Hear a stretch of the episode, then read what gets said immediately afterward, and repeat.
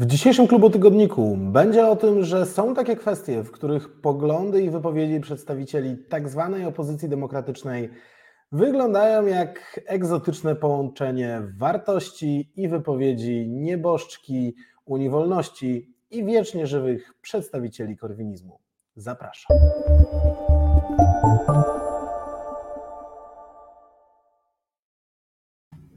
Ja nazywam się Piotr Trudnowski. To jest komentarz na kanałach Klubu Jagiellońskiego, na YouTubie i na platformach podcastowych. Jeżeli ten materiał Wam się spodoba, to serdecznie zachęcam do tego, żeby go po pierwsze skomentować, po drugie zostawić łapkę w górę, a po trzecie i najważniejsze podzielić się nim ze znajomymi, dać znać e, swoim przyjaciołom, udostępnić go w mediach społecznościowych. To jest metoda, która sprawia, że uda nam się dotrzeć z naszymi materiałami do nowych osób, a nie ukrywam, że planujemy już w najbliższych tygodniach e, coraz więcej nowości, coraz więcej konkretnych, dobrych, mam nadzieję, propozycji i dlatego chcielibyśmy trochę życia i trochę wigoru na nasz kanał sprowadzić. A temat dzisiejszego odcinka może się wydawać nieco błahy, a przynajmniej pretekst do tego, żeby poświęcić go konkretnej tematyce stosunku lewicowo-liberalnych elit do demokracji, ponieważ tym pretekstem jest wydarzenie, które miało miejsce w ostatnich tygodniach w Warszawie.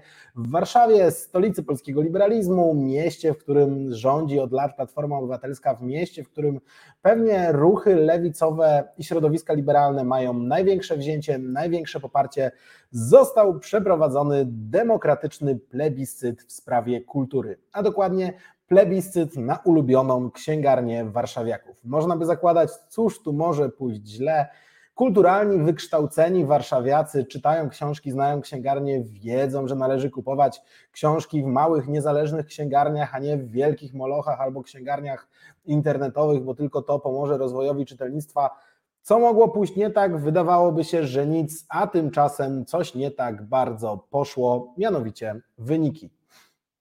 Oddano ponad 23 tysiące głosów, przyznacie, to nie mało, y, ale pierwsze miejsce z wynikiem 4881 głosów w plebiscycie ulubiona księgarnia Warszawy zdobyła księgarnia Multibook, mocno wyprzedzając kolejne księgarnie, na przykład Antykwariat Grochowski czy księgarnię Tarabuk. Sam głosowałem na Tarabuka, więc nie byłem jakoś bardzo zachwycony wynikami tego konkursu, no ale jak zobaczyłem jakie są reakcje, to muszę powiedzieć, że trochę się we mnie zagotowało, trochę przypomniałem sobie własne doświadczenia, własne wspomnienia, a trochę zacząłem myśleć o tym, że to nie jest przypadek, ale dość emblematyczny przykład podejścia elit do demokracji i do wyborów ludzi właśnie. Oczywiście zaczęło się w Gazecie Wyborczej, gdzieżby indziej. Tam pojawił się pierwszy artykuł mówiący, co mamy o tym wszystkim myśleć, pod mówiącym wszystko właściwie tytułem Plebiscyt na ulubioną księgarnię Warszawy z kontrowersyjnym zwycięzcą. Trzeba będzie zmienić formułę. Urzędnik anonimowy zabierający głos w tej sprawie mówi wprost: Myśmy chcieli oddać głos ludziom, myśmy chcieli, żeby to zwykli warszawiacy powiedzieli, jaka księgarnia im się podoba, żeby nie zostawiać tej decyzji jakiemuś jury, tylko właśnie zwrócić się do ludu. No i okazało się, że to jest błąd. To jest błąd, bo księgarnia Multibook, jak już pewnie się część z Was domyśliła, to księgarnia prawicowa. Tak naprawdę to wolnorynkowa księgarnia właśnie dla korwinistów, właśnie dla osób o wolnorynkowych poglądach. Tak zaczynała, taką ma swoją historię, mm, istnieje na tym rynku od wielu, wielu lat. Oczywiście rozszerzyła swoją e, ofertę, znajdziemy tam całą masę książek historycznych, religijnych, konserwatywnych, skierowanych do osób o poglądach narodowych, o poglądach niepoprawnych politycznie i tak dalej, i tak dalej, i tak dalej. No ale właśnie, skoro są tam niepoprawne politycznie książki, jeżeli księgarnia jest jednoznacznie prawicowa, jeżeli tak się utożsamia, to wiadomo, że nie powinna zasłużyć na tak zaszczytny tytuł. No i oczywiście zaczęło się szukanie dziury w całym, zaczęło się mówienie o tym, że to trole, że to strollowany konkurs, że oddano bardzo wiele nieprawidłowych głosów. Jednocześnie organizatorzy zapewniają, że te nieprawidłowe głosy udało się odsiać. No i księgarnia Multibook wygrała, co prawda, też w głosowaniu tymi prawidłowymi głosami. No i okazało się, że po odjęciu tych nieprawidłowych głosów najwięcej ich było na Multibooka, ale po ich odjęciu i tak Multibook wygrał. No ale, to powiedziała organizatorka tego konkursu na gali wręczenia nagród, Mogło to być zwycięstwo piękne, jest takie, jakie jest. Czyli okazało się, że nikt nie oszukał, nikt nic nie ukradł, ale niesmak pozostał jak w starym dowcipie. Cóż, mnie to jakoś specjalnie nie, nie, zaskakuje, mnie to jakoś specjalnie nie dziwi, ale kolejne elementy tej historii możemy zobaczyć. Na przykład równolegle przeprowadzono konkurs na najlepsze uzasadnienie dla wyboru warszawiaków. Przedstawiono 24 najciekawsze nagrodzone opinie o księgarniach i zdziwicie się, na portalu rynekksiążki.pl, na którym przedstawiono te informacje, nie ma ani jednej opinii na temat księgarni zwycięskiej i w notce na ten temat nie wymieniono nawet jej nazwy, czyli mamy najlepsze opinie w konkursie na ulubioną księgarnię warszawiaków, ale nie mówimy o tym, jaka księgarnia wygrała, promujemy kilkanaście innych księgarni, na które oddano głosu, a tej, która zwyciężyła, nie wymieniamy nawet nazwy. Niby śmieszne, niby głupie, niby żenujące, a tak naprawdę poważne i to niestety nie pierwszy raz. Ja sam miałem bardzo podobne doświadczenie. Bodaj w 2011 roku znów miasto stołeczne Warszawa zorganizowało podobny konkurs, plebiscyt internetowy. Jak widać, nie uczą się na błędach bo wtedy my w zespole Fundacji Republikańskiej, tam wtedy pracowałem, prowadziliśmy działalność obywatelską, prowadziliśmy aktywne życie społeczne w Warszawie, otwieraliśmy nasze biuro na różne, często prawicowe inicjatywy społeczne, obywatelskie, oddolne. Wystartowaliśmy w takim konkursie, no i niestety dla organizatorów wygraliśmy. Niesmak pozostał. Zaplanowana była gala wręczenia nagród, zaplanowana była impreza z okazji finału tego konkursu w związku z tym, że my wygraliśmy imprezę, odwołano, dyplom wysłano nam pocztą. Zaproszono nas do jakichś występów medialnych, w których od samego początku pokazywano nam, że to jakieś wielkie oszustwo i nie może być tak, że w konkursie na otwarte, społeczne, obywatelskie miejsce Warszawy może wygrać jakaś konserwatywna organizacja, bo wiadomo, że to śmierdzi jakimś przekrętem. Dlaczego wygrał Multibook? Dlaczego wtedy wygrała Fundacja Republikańska? Ano dlatego, że konkurencja podzieliła się między sobą głosami, że większość pozostałych księgarni, większość pozostałych miejsc, większość pozostałych organizacji miała podobny profil, a te pojedyncze, konserwatywne zgromadziły w jednym miejscu, w jednym punkcie swoje głosy i dlatego wygrały. Ten prosty mechanizm jest nie do zrozumienia dla naszych opiniotwórczych elit i jak widać dla organizatorów w mieście Warszawa. Ale to wszystko żarty, to wszystko jakaś anegdota, ale moim zdaniem ona jak w soczewce skupia stosunek lewicowo-liberalnych elit do demokracji. Demokracja jest fajna wtedy, kiedy my wygrywamy albo nasi wygrywają, wtedy możemy powiedzieć, że to plebiscyt, wtedy możemy powiedzieć, że to fajne głosowanie, że to warszawiacy kogoś docenili, ale jak wygrywa ktoś, kto nam się nie podoba, to jest trollowanie, oszustwo, pomyłka, wypaczenie reguł, złamanie zasad dobrej zabawy, no i ogólnie tak naprawdę taki czy inny autorytaryzm wcześniej czy później musi się tutaj pojawić. No i to jest moim zdaniem rzecz bardzo charakterystyczna dla całego stosunku e, dużej części elit lewicowo-liberalnych do demokracji właśnie.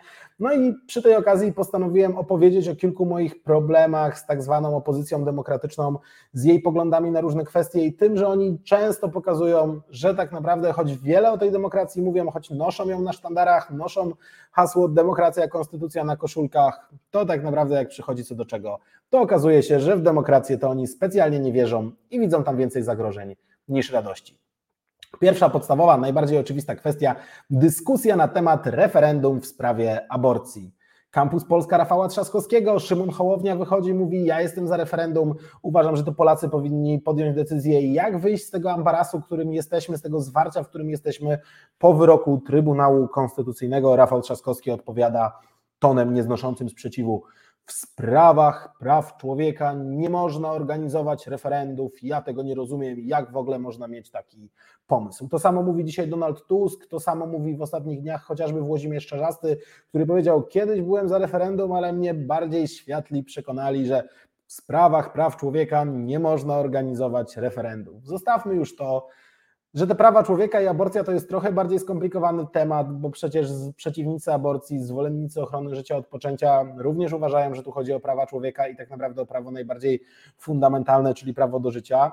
Y, ale tak naprawdę kluczowe jest to, że z jakiegoś powodu tego referendum w sprawie aborcji strona liberalno-lewicowa bardzo, bardzo, bardzo się boi. I co ciekawe, w tym tygodniu został opublikowany na portalu OKO.press taki sondaż, który znów ma być argumentem przeciwko referendum, mianowicie, że wyborcy wszystkich partii opozycyjnych są za tą liberalizacją w wydaniu Donalda Tuska. 90 parę procent wyborców Koalicji Obywatelskiej, 90% wyborców Hołowni, ponad 60% wyborców PSL-u, nawet wśród wyborców Konfederacji rzekomo w tym sondażu y, wychodzi na to, że wszyscy są za aborcją na życzenie do 12 tygodnia.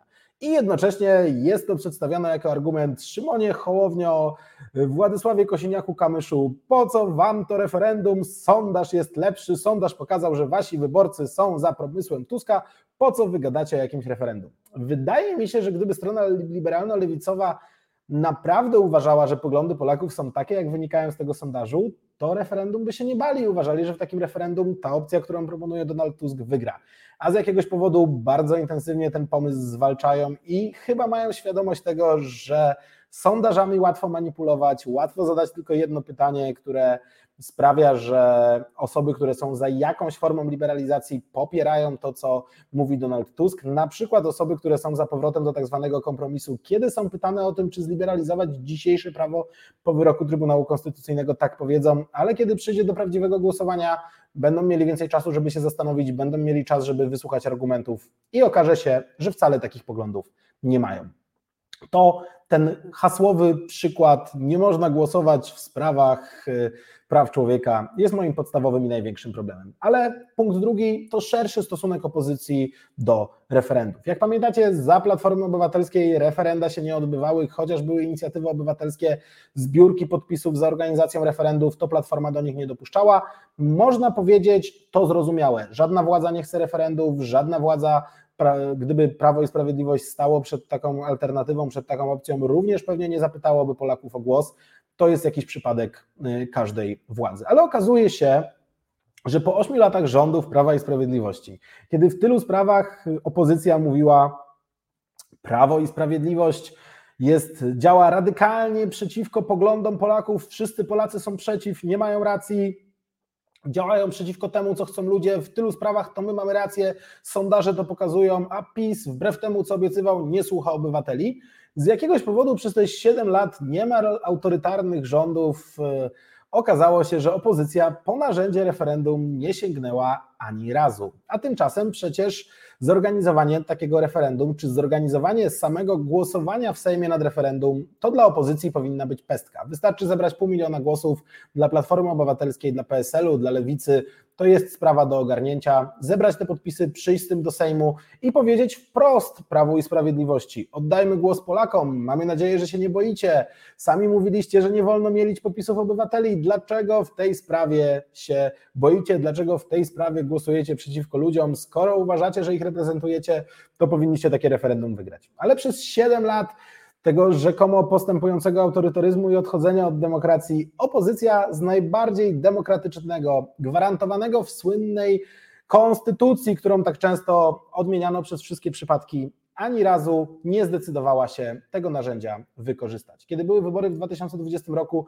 pytaliśmy o to kandydatów na prezydenta, czy oni będą wykorzystywali kompetencje prezydenta do tego, żeby razem z Senatem referendum zorganizować. Gdyby na przykład Rafał Trzaskowski wygrał w 2020 roku wybory, opozycja miała większość w Senacie, prezydent razem z Senatem w dowolnej sprawie mógł PiS przegłosować, zorganizować referendum bez pytania o zgodę rządu, bez pytania o zgodę Sejmu i tak naprawdę przywrócić Trybunał Konstytucyjny, rozwiązać spór sądy, zrobić dowolną kwestię. Kiedy ich o to zapytaliśmy w ankiecie portalu klubjagielloński.pl, Rafał Trzaskowski odpowiedział, że referendum jest zastrzeżone do takich spraw jak wchodzenie do Unii Europejskiej albo ustanawianie konstytucji i on nie zamierza w innych niż tak ważne sprawy tego narzędzia wykorzystywać, chociaż byłoby to absolutnie najpotężniejsze narzędzie w rękach polityka e, opozycji, jeżeli wygrałby wybory w 2020 roku, ale jakoś się na to nie zdecydował i opozycja nie bierze też pod uwagę tego, że taki wniosek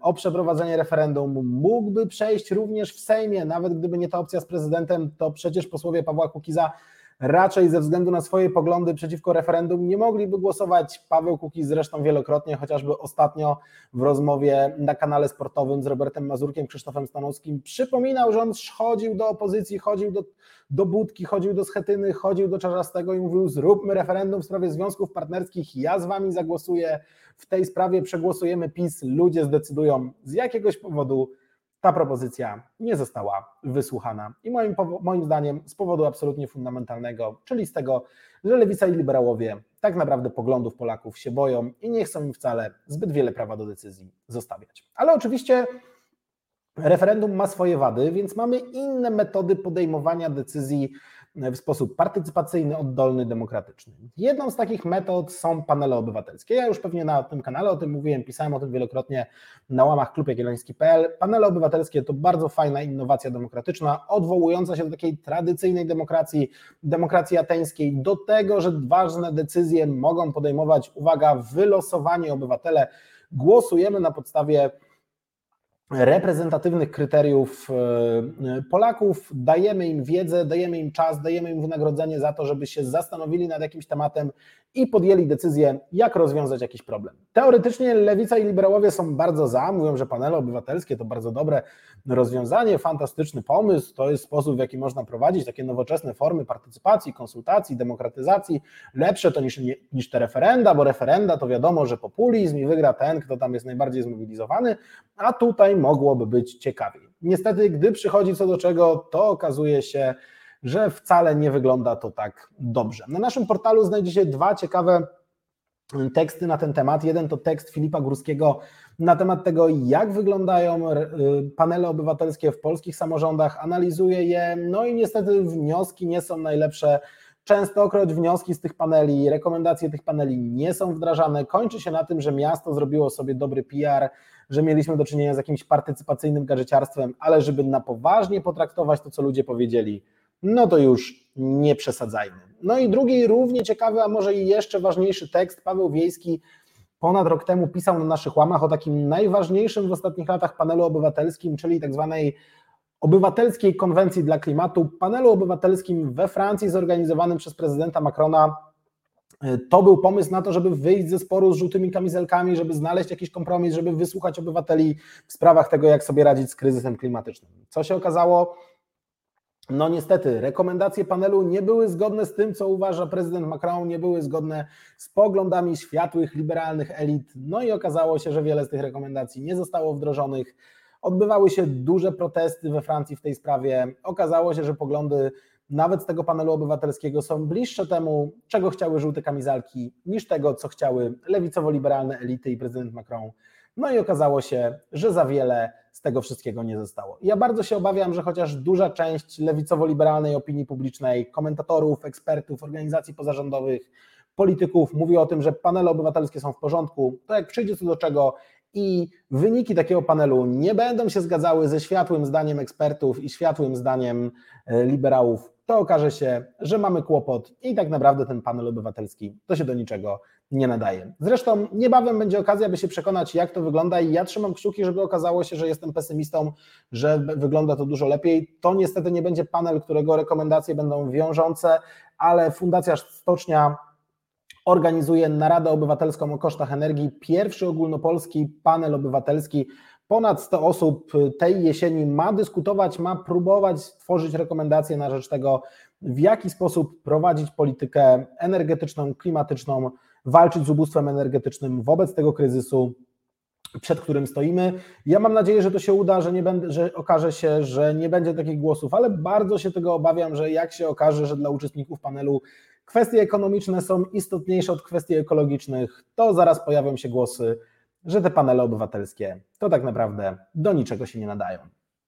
Czwarta kwestia, która budzi moje poważne wątpliwości, to stosunek lewicy i liberałów do frekwencji wyborczej. Być może pamiętacie, jak to było przed rokiem 2015. Otóż przed rokiem 2015 było tak, że media głównego nurtu środowiska e, takiego mainstreamu pozarządowego, Fundacja Batorego, Fundacja Leszka Balcerowicza, duże organizacje nieustająco mówiły o tym, jak ważna jest frekwencja wyborcza, że prawdziwa demokracja, dobra demokracja będzie w Polsce, jak przestanie być tak, że do wyborów chodzi ledwie 50% Polaków, ale zacznie chodzić 60, 70, wtedy będziemy mieli do czynienia z dobrą, pełną demokracją. Prowadzono intensywnie te akcje profrekwencyjne. No i w jakimś momencie słuch o takich akcjach zaginął. I nie jest przypadkiem, że słuch o nich zaginął w momencie, kiedy Prawo i Sprawiedliwość doszło do władzy, bo okazało się, że w polskich warunkach w ostatnich latach wysoka frekwencja zaczęła sprzyjać Prawu i Sprawiedliwości. Rzućcie okiem na tabelkę, która podsumowuje frekwencję wyborczą w wyborach w ostatnich kilkunastu latach. Wybory samorządowe 2018 zarządów PiSu 55% w pierwszej turze wyborów samorządowych. Cztery lata wcześniej w wyborach samorządowych zaledwie 47% wzięło w nich udział. Okazało się, że zapisu w wyborach samorządowych frekwencja rośnie. Wybory parlamentarne 2019 prawie 62%, podczas gdy zarządów Platformy w 2015 roku było to ledwie 50%, a w roku 2011 49%. Frekwencja wzrosła tutaj bardzo wyraziście. Wybory prezydenckie, rok 2020 64% w pierwszej, 68% w drugiej turze. W porównaniu z poprzednimi wyborami 2015 mniej niż 50% w pierwszej turze, 55 w drugiej turze, w 2010 roku 54, 55% w obu turach, znów ponad 10 punktów procentowych frekwencji więcej e, w wyborach prezydenckich. No i wreszcie wybory najbardziej elitarne, wybory do Parlamentu Europejskiego. W roku 2009 zaledwie co czwarty Polak idzie do urny 24,5%, 2014 rok 23,8% aż tu nagle 2019 rok, PiS dochodzi do władzy i frekwencja rośnie prawie dwukrotnie, 45,5% ludzi idzie na wybory do Parlamentu Europejskiego. Słyszeliście zachwyty? Słyszeliście o tym, że legitymizacja tych wyborów jest większa niż tych poprzednich, bo więcej osób poszło do urn? Czy ktoś się cieszył z tego powodu, że zapisu ludzie bardziej masowo zaczęli chodzić na wybory, że zaczęli wreszcie uczestniczyć w demokracji, że poczuli się odpowiedzialnymi obywatelami, którzy podejmują decyzje w sposób świadomy i wiedzą, że trzeba iść na te wybory? Wprost przeciwnie. Mieliśmy opowieści o tym, że poszli do wyborów ci, którzy zostali kupieni za 500 plus i stąd się to wszystko wzięło. Nagle okazało się, że wysoka frekwencja nie jest niczym specjalnie ważnym i niczym specjalnie wartościowym. Piąta kwestia, która budzi moje wątpliwości, to stosunek części partii lewicowo-liberalnych do demokracji wewnątrzpartyjnej. I tutaj muszę powiedzieć, że są takie partie, w których ta demokracja wewnątrzpartyjna jakoś tam funkcjonuje, przynajmniej na tyle, że w demokratycznych wyborach zmieniają się tam prezesi, szefowie tych partii. Tak jest w PSL-u, tak jest na lewicy, takie decyzje są podejmowane z udziałem e, członków. Ale w Platformie Obywatelskiej ostatnie takie wybory to był chyba rok 2013. Wybory, w których e, z Donaldem Tuskiem walczył Jarosław Gowin, a potem tak naprawdę w każdych kolejnych wyborach na szefa Platformy Obywatelskiej mieliśmy do czynienia albo z namaszczeniem, albo z wyborami z jednym e, ostatecznie e, kandydatem. Tak było kiedy namaszczona została Ewa Kopacz. Tak było, kiedy do Polski wrócił Donald Tusk. Od razu Borys Budka zrezygnował, przekazał władzę Tuskowi, on został pełniącym obowiązki, a potem odbyły się wybory z jednym kandydatem. Dwóch kandydatów miało być w wyborach, których szefem Platformy zostawał Grzegorz Schetyna. Miał tam walczyć z Tomaszem Siemoniakiem i na ostatniej prostej okazało się, że Tomasz Siemoniak się wycofuje, udziela poparcia Grzegorzowi Schetynie i znów mamy wybory z jednym kandydatem. No i tak samo to wygląda na innych szczeblach. Tak samo wygląda to, jeśli chodzi o podejmowanie decyzji na temat tego, nie wiem, kto będzie kandydatem na prezydenta. Znów tutaj na początku mieliśmy prawybory, mieliśmy Małgorzatę Kidawę-Błońską, a potem okazało się, że jak trzeba podmienić kandydata, to już można autorytatywnie stwierdzić, że to Rafał Trzaskowski będzie najlepszym kandydatem. Tutaj oczywiście brakowało czasu, ale okazało się, że ta demokracja nie jest już taka ważna. A tymczasem są takie partie, w których ta demokracja działa całkiem nieźle. Otóż jest taka partia, która przeprowadziła wybory, przeprawybory na prezydenta w swoich szeregach ze swoimi sympatykami, zorganizowała 16 imprez, na których można było oddać głosy i ta partia to Konfederacja. Czy słyszeliście kiedykolwiek, żeby ktoś się zachwycał Konfederacją z tego powodu, że jest jedyną formacją, w której obowiązuje jako taka demokracja wewnętrzna, że kandydata w wyborach prezydenckich wybrano z udziałem sympatyków, że odbyła się jakaś taka partycypacyjna forma wyboru najlepszego kandydata i że w ogóle ta partia nie jest zarządzana przez jednego lidera, ale przez szersze gremium e, liderów kilku środowisk, kilku formacji, którzy muszą między sobą szukać konsensusu? Nie, no bo przecież wiadomo, że nie można mówić o tym, że partia taka jak Konfederacja, skrajno radykalna, prawicowa, e, faszystowska e, i tak dalej, i tak dalej, może mieć wewnętrzne, demokratyczne procedury. Niestety te pięć przykładów mnie przekonuje, że kiedy opozycja demokratyczna podkreśla swoją demokratyczność i podkreśla swoje przywiązanie do tych wartości, to tak naprawdę myśli tak naprawdę o czymś zupełnie innym, myśli o wartościach liberalnych, myśli o postępowości, a nie o prawdziwej demokracji. I niestety to bardzo złe zjawisko. Ono sprawia, że kolejne demokratyczne decyzje przez liberałów i przez lewicę są podważane. Donald Trump wygrywa w Stanach Zjednoczonych, Musiało się to wydarzyć dlatego, że pomagali mu Rosjanie, musiało się to wydarzyć dlatego, że nielegalnie wykorzystywał dane Cambridge Analytica, dlatego że manipulował ludźmi w mediach społecznościowych, bo taki wybór nie może być właściwy, nie może być prawidłowy. Prawo i Sprawiedliwość wygrywa wybory w 2015 roku. Wiadomo, obiecali, omamili ludzi 500, a poza tym Jarosław Kaczyński oszukał ukrył się za Andrzejem Dudą, ukrył się za Beatą Szydło i tylko dlatego wygrał. Wygrywa znów w 2019 roku, wiadomo, tylko dlatego, że telewizja Jacka Kurskiego była nieuczciwa, nierzetelna i te wybory tak naprawdę nie były prawidłowymi wyborami. Mi się takie podejście bardzo nie podoba. Uważam, że ono bardzo poważnie poddaje w wątpliwość przywiązanie do demokracji dużej części lewicowo-liberalnych elit i niestety sporej części tak zwanej demokratycznej opozycji. Gdybym miał to podsumować, to powiedziałbym, że te poglądy dużej części salonowców można y, połączyć dwoma cytatami. Jeden to sławny cytat ze świętej pamięci Bronisława Geremka, który po którychś wyborach, w których Unii Demokratycznej czy Unii Wolności nie udało się y, zdobyć dobrego wyniku, powiedział, że społeczeństwo do demokracji nie dorosło. No i wydaje mi się, że w wielu kwestiach, nie tylko w sprawach księgarni Multibook, y, wiele osób cały czas uważa, że to jest dobra opowieść o polskiej demokracji. Społeczeństwo cały czas nie dorosło do tego, żeby oddawać mu głos w ważnych kwestiach. Ale jest też drugi cytat, pewnie mniej oczywisty, pewnie oklepany, pewnie wielokrotnie go słyszeliście. Janusz Korwin-Mikke powtarzający, że demokracja to beznadziejny ustrój, bo tam głos trzech żuli spod budki z piwem, przez to, że są te osoby trzy, jest wart więcej niż głos jednego profesora uniwersytetu. I tak naprawdę jakkolwiek by się lewica i liberałowie od Korwin-Mikkego nie odżygnywali, jak bardzo by nie mówili, że to jakiś autorytarysta, faszysta, monarchista i tak dalej, to ich podejście do demokracji jest niestety niezwykle, niezwykle podobne. Uważają, że głosy światłych, wykształconych, wielkomiejskich są warte więcej niż zwykłych ludzi.